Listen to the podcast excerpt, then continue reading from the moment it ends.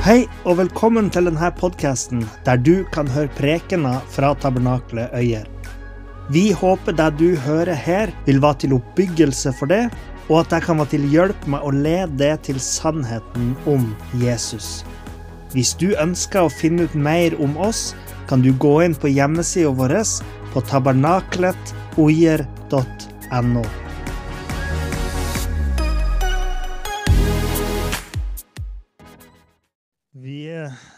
skal tilbake til ei tid der et helt folk sto ved en korsvei.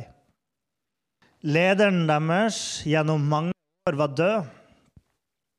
En ny leder hadde tatt over, og de hadde et valg framfor seg. Jeg snakka om Josva og israelittene, som for over 3000 år siden sto ved bredden av Jordanelva og så over elva og inn i det landet som Gud hadde lova dem. Og de sto ved en korsvei, fordi nå var de på samme sted der Moses hadde stått 40 år tidligere sammen med folket, og da de ikke våga å krysse den elva og gå inn i landet. Nå hadde Josva tatt over som leder, og det var hans oppgave denne gangen å skulle lede de inn i det landet. Og Noen av dere har jo vært i Israel, og for oss fra det langstrakte Norge så virker jo Israel bitte lite, selv om Norge er ikke så stort det heller. Men når man ser på kartet, så ser jo Israel fryktelig lite ut. Og det er jo enkelt for oss å si, vi som kan både se på kart og vi flyr tusenvis av meter opp i lufta og, og tenker at Israel er et lite land. Men for de her menneskene for så lenge siden som ikke kunne fly høyt opp og ikke hadde kart de kunne slå opp i, så så det ut som et stort land å innta for et lite folk. Og det å skulle bosette seg i hele dette landet, der det allerede fantes andre mennesker, var jo i seg sjøl en stor nok oppgave for et folk som nå var på vei ut av ødemarka, som har levd lenge ute i ødemarka. Men i tillegg og skulle overta det fra mektige folk som bodde i befesta byer, gjorde det ikke akkurat lettere. Josva hadde visst at dette øyeblikket ville komme. Han hadde visst om det i 40 år. Og Sannsynligvis så tenkte han på det som hadde skjedd for alle de her tiårene siden. Da var det jo Moses som leder de, og, og eh, han hadde ledet de ut av slaveriet i Egypt. Han hadde vært med dem når de mottok Guds lover i Sinai. Eh, og han hadde ledet dem fram til det landet som Gud hadde lova dem. Og før de gikk inn, så sendte Moses ut tolv speidere fra israelittene. Én for hver stamme, som skulle gå inn i landet for å se hvordan landet lå. Og De kom tilbake og de fortalte om et fruktbart land. Et land der det vokste eh, druer, granatepler og fikener. De kalte det et land som flyter av melk og honning. Et uttrykk som var brukt for å eh, beskrive stor overflod. Men, sa speiderne, det er et mektig folk som bor i landet.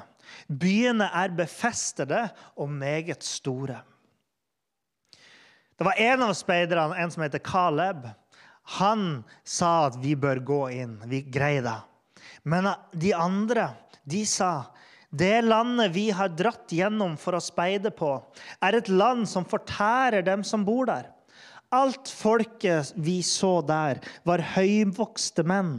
Der så vi kjempene, Anaks etterkommere stammet fra kjempene. Så vi var som gresshopper i våre egne øyne, og det var vi også i deres øyne. Det står i 4. Mosbok 13, vers 32-33. Og Jeg vet ikke om det var mest akk eller ved, om det var like mye av begge delene, men det var mye akk og ved da israelittene fikk høre budskapet fra de her speiderne. Folket de gråt, og noen av dem sa at de ønska seg tilbake til Egypt. Og Og Gud, når han så denne tvilen og denne frykten i deres hjerte, denne mismotet, denne vanviljen til å gå inn og følge det han hadde sagt, det gjorde at han lot de forbli hjemløse i ødemarken i 40 år til. Han sa at denne generasjonen av tvilere og folk som ikke vil følge min plan, dere skal ikke få se dette landet. Så de vandra i ørkenen i 40 år. Det var ikke fordi at de ikke fant veien, men det var fordi at Gud hadde sagt dere må vente. Og Josva var jo da neste generasjon som kom. Helt utvilsomt så hadde Josva denne historien klart i minnet når han nå sto der ved elva og så inn mot Jeriko. Og han kjente til rapportene som hadde kommet den gangen om de her menneskene som bodde i landet. Men han kjente jo òg konsekvensen av israelittene sin nøling og frykt. Han var jo der da for 40 år siden, og han visste jo hvilket bud Gud da hadde gitt dem. Hvis dere ikke tør, så kan dere holde dere i ørkenen. Sjøl Moses, denne store profeten som nå hadde dødd, han eh, fikk se inn i landet så nær, men han fikk aldri bosatt seg der. Men Josva hadde jo òg Caleb ved sin side. Han som faktisk hadde villet gått inn i landet for 40 år siden. Og I tillegg så hadde Josfa selvsagt òg alle de her historiene som israelittene hadde med seg, om alle de store tingene som Gud hadde gjort for dem. Ikke minst at han ledet dem ut fra Egypt. Og mens de holdt til der et eller annet sted ved Jordanelva, så talte Gud til Josfa og sa i Josfas bok, kapittel 1, vers 5-9. På samme måten som jeg var med Moses, sier Gud, slik skal jeg være med deg. Jeg skal aldri slippe deg og ikke forlate deg. Vær sterk og modig. For det landet som jeg sverget for deres fedre at jeg ville gi dem, skal du skifte ut som arv til dette folket. Vær bare sterk og veldig modig, så du tar deg i vare, så du gjør etter hele den loven som min tjener Moses bød deg. Vik ikke fra den, verken til høyre eller venstre, for at du kan ferdes viselig overalt hvor du går. For da skal du ha framgang på din vei, og alt skal lykkes for deg. Har jeg ikke befalt deg? Vær sterk og modig. Vær ikke redd og bli ikke skremt, for Herren din Gud skal være med deg overalt hvor du går. Jeg ser ikke at Skriften gir oss noen grunn til å tro at Josva var prega av den tvilen og den frykten som den forrige generasjonen hadde hatt. I stedet for så leser vi at han er full av optimisme og håp i det neste kapitlet, når, eh, når Josva sine speidere kommer tilbake fra landet. Men likevel så repeterer Gud denne oppfordringa om å være modig og sterk fire ganger på de her få versene. Og det er jo naturlig at sjøl om Josva ikke var grepet av frykt og motløshet, så kom han til å trenge mot og styrke i den tida som lå foran. Han er leder for et folk uten hjem, et folk med en forhistorie med klaging og nøling. Og du skal lede de til å innta et ukjent land med mektige innbyggere, store innbyggere, i store, befesta byer. Og sjøl den mest optimistiske leder vil trenge mot og styrke i en sånn situasjon. Styrke og mot henger jo sammen. Eh, fysisk styrke og mot henger ikke nødvendigvis sammen, sjøl om at det å være fysisk sterk kan jo gi det mot, til og med overmot noen gang. Eh, og dess sterkere man er, i forhold til faren man står overfor, dess mindre mot trenger man jo på en måte. Eh, F.eks. syns dere jeg er modig når jeg kjemper med bananflogene på kjøkkenet? Jeg vil kanskje ikke akkurat si det. Jeg er så mye sterkere.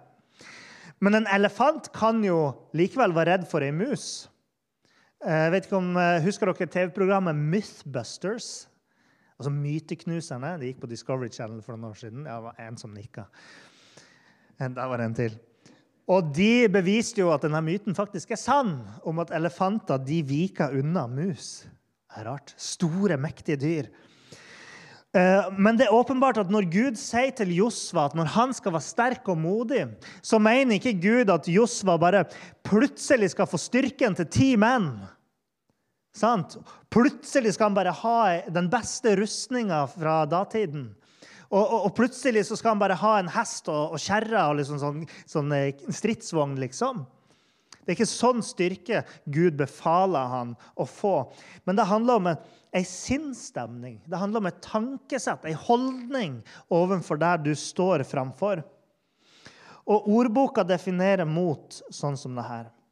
Mental og moralsk styrke til å trosse eller å utsette seg for fare mental og moralsk styrke til å trosse eller utsette seg for fare. Så mot handler om en, en mental og moralsk styrke. Hva er fellesnevneren mellom en soldat og en racerbilsjåfør? Begge to trenger ganske mye mot.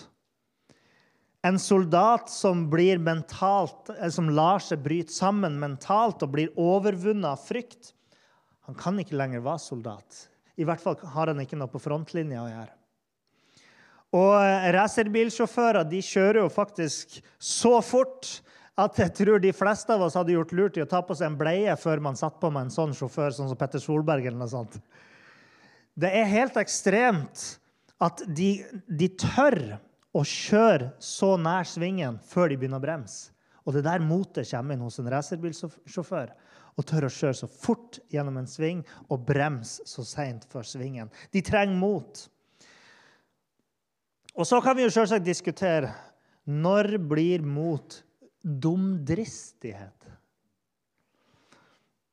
Uten å bli for filosofisk så tror jeg vi kan sammenligne litt med å hoppe ut av et fly. Hvis du bare hopper ut av et fly opp i lufta, så klart, da er du bare dum.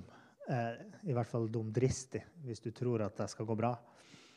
Men hvis du hopper ut av et fly med fallskjerm, da er du modig. I hvert fall hvis du har en eller annen grunn til å hoppe i fallskjerm. Så hva endrer seg fra å hoppe ut av fly uten fallskjerm og hoppe ut av fly med fallskjerm? Fordi hvis du hopper med fallskjerm, så hopper du ikke bare meningsløst ut av flyet, men du, du har et håp om at dette kommer til å gå bra. Du hopper med et håp om å overleve fordi du har tillit til fallskjermen. sant? Så mot er ikke det samme som dumdristighet. Og jeg tror at i mange situasjoner så kan mot gli over til å bli dumdristighet hvis man ikke har håp, hvis man ikke har tillit, og hvis man i tillegg ikke har en god hensikt med å gjøre det man gjør. Det dumdristige med å gå ut i, i, fjellet her og oppsøke en flokk med ulver for å kose med dem, det er ikke mot. Det er dumdristig. Så det kan gli over til deg hvis man ikke har en god hensikt med å gjøre det. Så når Gud taler til Josva, taler Gud tomme ord om at Josva bare plutselig skal bli modig og sterk helt av seg sjøl? Nei. Når Gud oppfordrer Josfa til å være sterk i håpet om det som skal gjøres, så er det jo nettopp, det jo nettopp at han, han gir Josfa et håp. Og han sier at Josfa skal være sterk i tilliten til Gud. Og han gir Josfa en hensikt med å ha mot. Gud gir Josfa her en god begrunnelse for hvorfor han skal være modig. Gud sier i vers 3-5 og i vers 8 i, i Josfa kapittel 1, vers 3-5 og vers 8 Hvert sted dere setter foten på, gir jeg dere, slik jeg sa til Moses. Fra ørkenen og fra Libanon helt til den store elven, elven Eufrat, hele landet til hetittene og helt til storhavet mot solnedgangen skal landområdet deres være. Ikke noe menneske skal være i stand til å stå seg mot deg alle dine levedager. For, eh, for da skal du ha framgang på din vei, og alt skal lykkes for deg. De her tingene Gud sier her, det er at de har et håp om at de skal få et land og at de skal lykkes med det de gjør. Nå var jo dette håpet et håp de hadde hatt lenge. De her 40 årene for eksempel, ute i ørkenen så håpte de jo at de en dag skulle få komme og se landet og bo der. Men Gud minner Josva om det håpet som lå foran dem. Dette skal lykkes for Josva. Det er håpet som de ser framover. Og så er det tillit. Gud sier i vers 3 og i vers 5 og i vers 9 Vi, vi repeterer litt. Nå er det tillit. Hvert sted dere setter foten på, gir jeg dere, slik jeg sa til Moses. På samme måten som jeg var med Moses, slik skal jeg være med deg.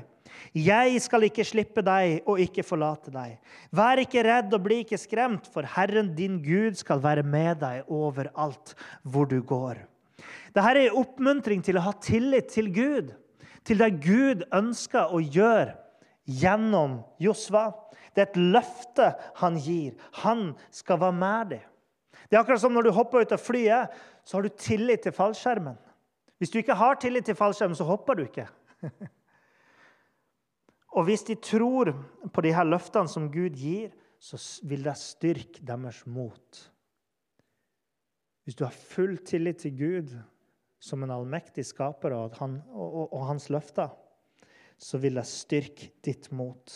Gud skal være med dem.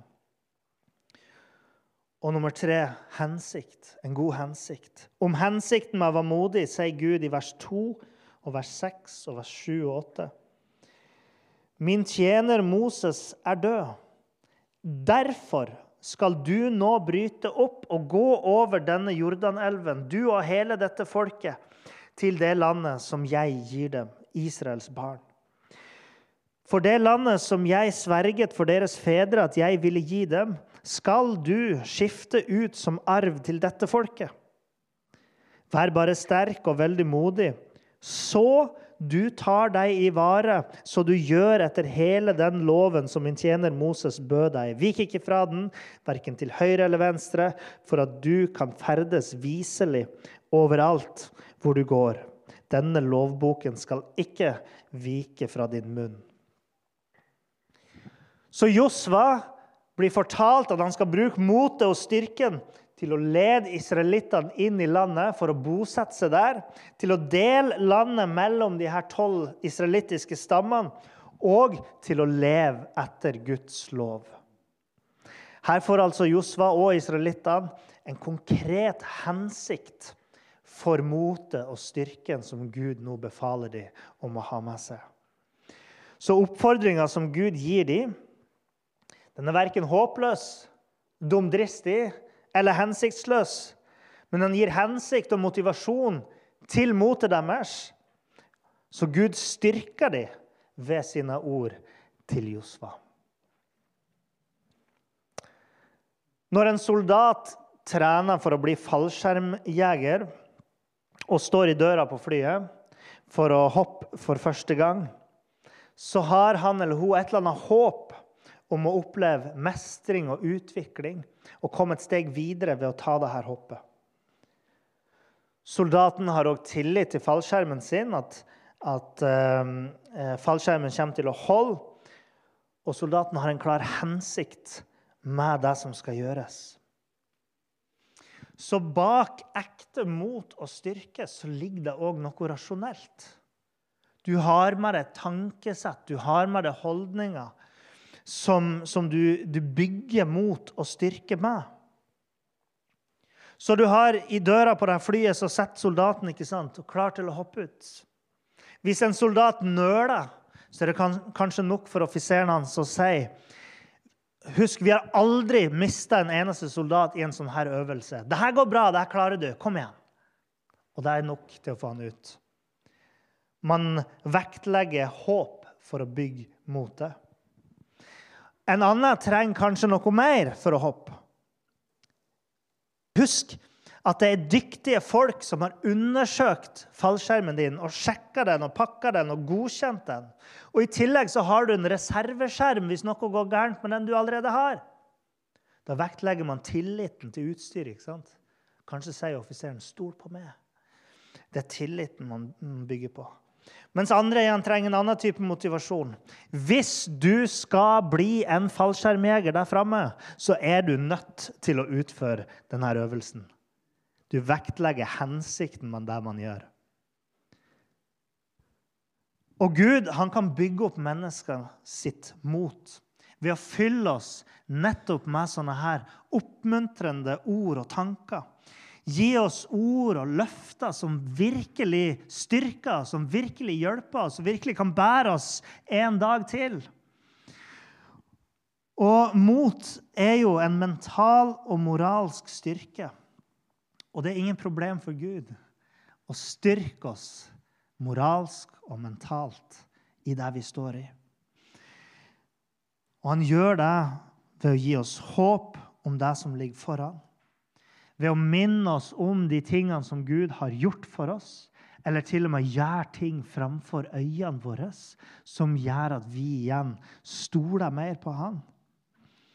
Og han kan gjøre det ved å la sin hensikt stå klart og tydelig framfor oss. Hensikten han har med mitt og ditt liv. Dette er ting som Gud gjør i vårt liv som troende. Dette er ting som jeg opplever at Gud gjør og taler inn i mitt liv. Det trenger ikke nødvendigvis å, å være gjennom en engel som kommer til oss med et budskap. Men Gud han kan treffe oss rett i hjertet bare når vi leser i Bibelen. Gud kan ta til oss i drømmer og la oss se syner. Gud kan fylle oss med en indre tillit til Han. Eh, han kan komme med innskytelser i tankene våre. Han kan sende gode medmennesker til oss som sier det vi trenger å høre. Så når Gud ønska at Josfa skulle være sterk og modig, så overlot han ikke Josfa til seg sjøl. Umiddelbart videre i denne historien så får Josfa en bekreftelse på at Gud virkelig er med dem. Akkurat som 40 år tidligere så sendte Josfa nye speidere inn i landet som skulle finne ut av ting. Hvordan ligger det an? Hvor bor de hen? Hvordan ser de ut? Eh, hvordan mat liker de? Eh, hvilke treningsrutiner har de? Jeg vet ikke. Men finne ut ikke sant? hvordan ligger landet. Men denne gangen så kommer de her speiderne tilbake med et mye mer optimistisk budskap enn det de hadde gjort sist. Eh, for de hadde nemlig møtt ei dame fra Jeriko som heter Rahab. Og hun sa til dem i eh, Josva kapittel 2, vers 9-11, så sier hun her Rahab. Jeg vet at Herren har gitt dere landet, og at frykt for dere har falt på oss. Alle som bor i landet, er lamslått av skrekk for dere.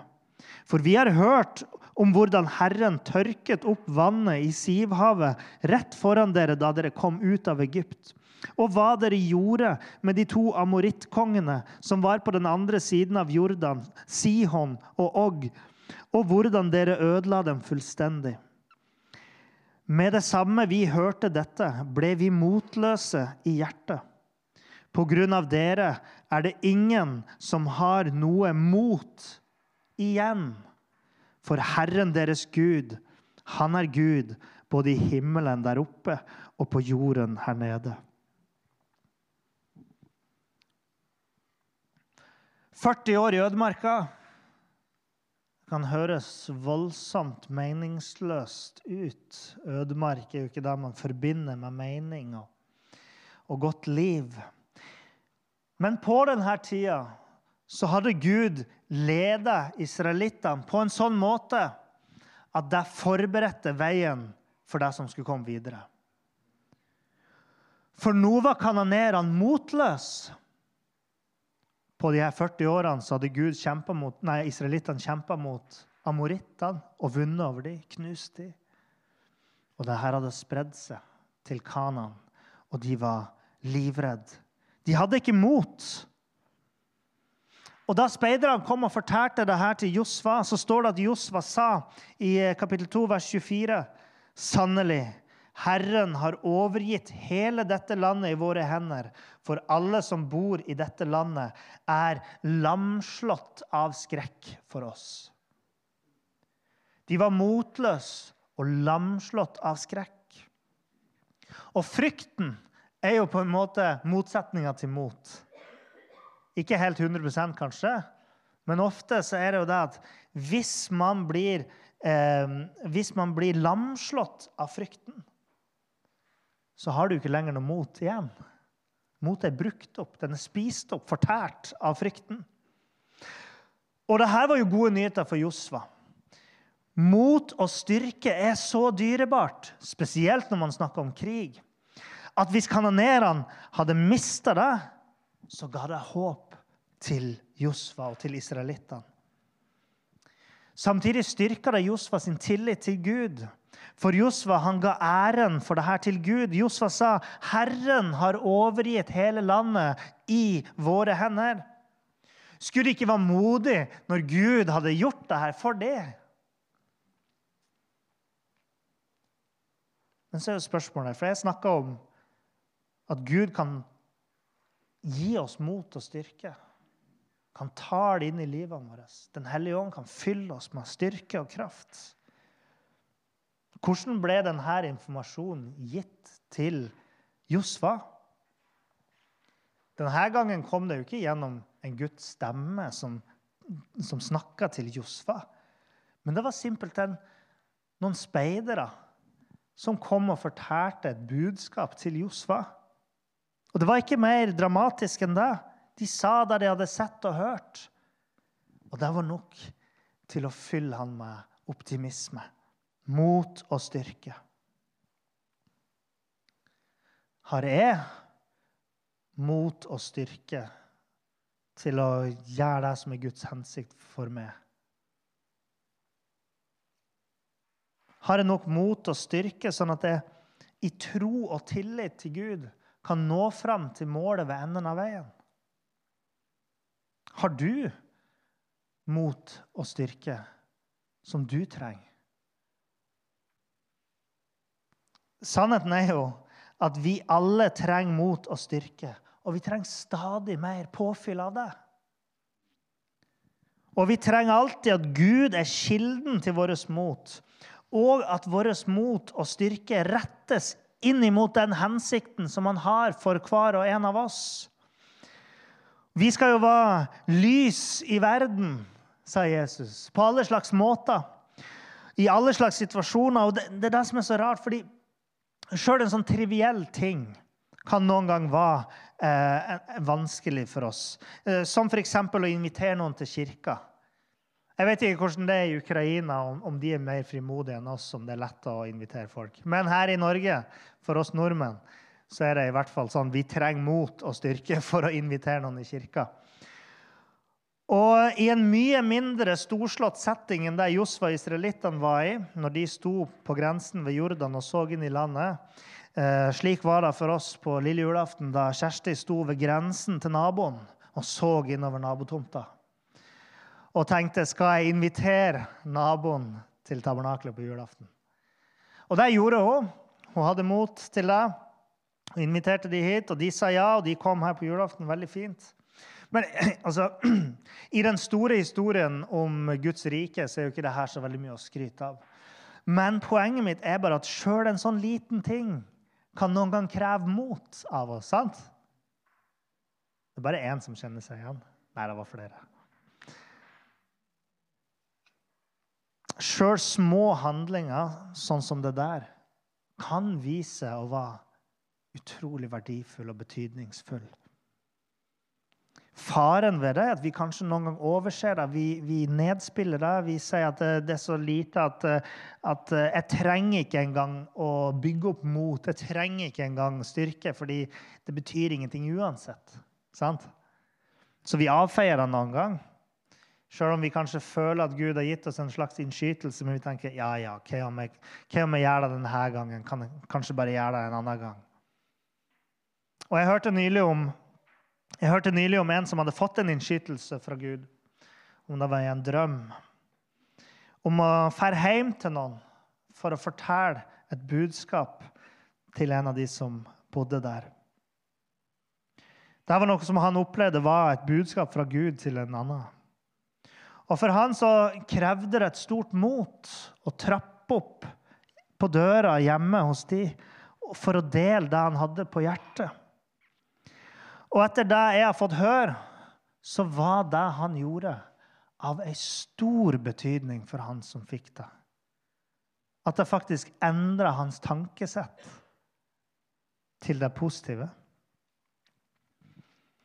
Det var akkurat det han trengte å høre. Men noen ganger er jeg redd for at vi kanskje ikke engang gidder å ta mot til oss. Nettopp fordi vi tror ikke at hensikten er stor nok, eller hva det skulle være. Men det trenger jo ikke alltid å se, se ut som situasjonen da Josfa sto der. De skal innta et land i et helt folk. En million mennesker. Det trenger ikke alltid å være en sånn setting. Det kan være noe lite, det kan være noe smått. Og konsekvensen av at du ikke har mot og styrke, trenger ikke å være det samme som for israelitter. Du, du, du, får ikke 40 år i ødemarken sant? ved å ikke gjøre mindre ting i ditt liv. Men det, kun, det kan likevel være små tap, små nederlag. Og det kan òg føre til store nederlag. Så det betyr noe. Det har en reell betydning for livene vi lever. Hvilken stemme vi lytter til, og hvilke ord vi lar, eh, vi lar komme inn i hjertene våre. Og igjen og igjen gjennom Bibelen jeg har ikke tall på hvor mange ganger det er, men det er mange ganger. Så sier Gud det han sier her. Frykt ikke, vær modig og sterk. Og Jesus sa f.eks. i Johannes 16, 33, I verden skal dere ha trengsel, men vær ved godt mot. Jeg har seiret over verden. Dette er den stemmen som vi trenger å lytte til. Det er den stemmen vi trenger å, um, å, å tro på og håpe på. Det er det vi, vi trenger å fylles av. Og jeg kjenner jo ikke alle situasjoner som jeg kommer til å møte der jeg virkelig vil, vil trenge mot og styrke. Kanskje kommer det noe i morgen som, som jeg virkelig trenger styrke til. Vi alle trenger det. Og vet du, i denne historien om Josva, hvis du ikke kan den, så seira de over Jeriko. Denne byen som lå på andre sida av elva. Og da står det i Josva kapittel 6, vers 27, i oppsummeringa Slik var Herren med Josva. De gikk til seier. Og så oppsummeres det sånn Slik var Herren med Josfa. Med mot og styrke fra Gud, så kanskje din historie vil ende sånn som det her. Du vil kanskje ikke erobre en by, men kanskje så motstår du fristelser som du har slitt med, og som plager deg. Slik var Herren med meg, kan du si. Kanskje tar du mot til det, og du reiser ut som misjonær til et annet land. Slik var Gud med meg. Kanskje har du styrke til å tjene i menigheten her hver eneste uke. Slik var Herren med meg. Kanskje vitner du til vennene dine i hverdagen, og du kan si 'Slik var Herren med meg'. La det bare ikke bli sånn at jeg og du blir stående ute utafor og ser inn i landet, ser det som kun har blitt. Slik Moses bare fikk stå ved bredden av elven og se inn på det som Gud hadde lova ham. Men må Den hellige ånd velsigne det, så du får nytt mot og kraft i det nye året, sånn at du har overskudd til å tjene Gud der du er. Hvis det er noen som ønsker at jeg skal be for det her nå i kveld, be om mot og styrke for det her nye året som vi har gått inn i, så vil jeg gjerne gjøre det. Da er du velkommen til å komme fram her. Kjære Herre, jeg takker deg for visdommen som ligger i ditt ord. Visdommen eh, som ligger i din gode formaning om å ta til oss mot og styrke i Jesu navn. Herre, må du fylle oss med ditt mot og din styrke, slik at vi kan gå framover mot det målet som du har foran oss. Gi oss håp, Herre. Styrk vår tillit til det. Og sett din hensikt klart foran oss for det du ønsker for vårt liv. Må Den hellige ånd bare fylle hver og en i dette lokalet i kveld, far. Eh, slik at vi søker det og finner vår styrke i det. Vi takker deg i Jesu navn. Amen.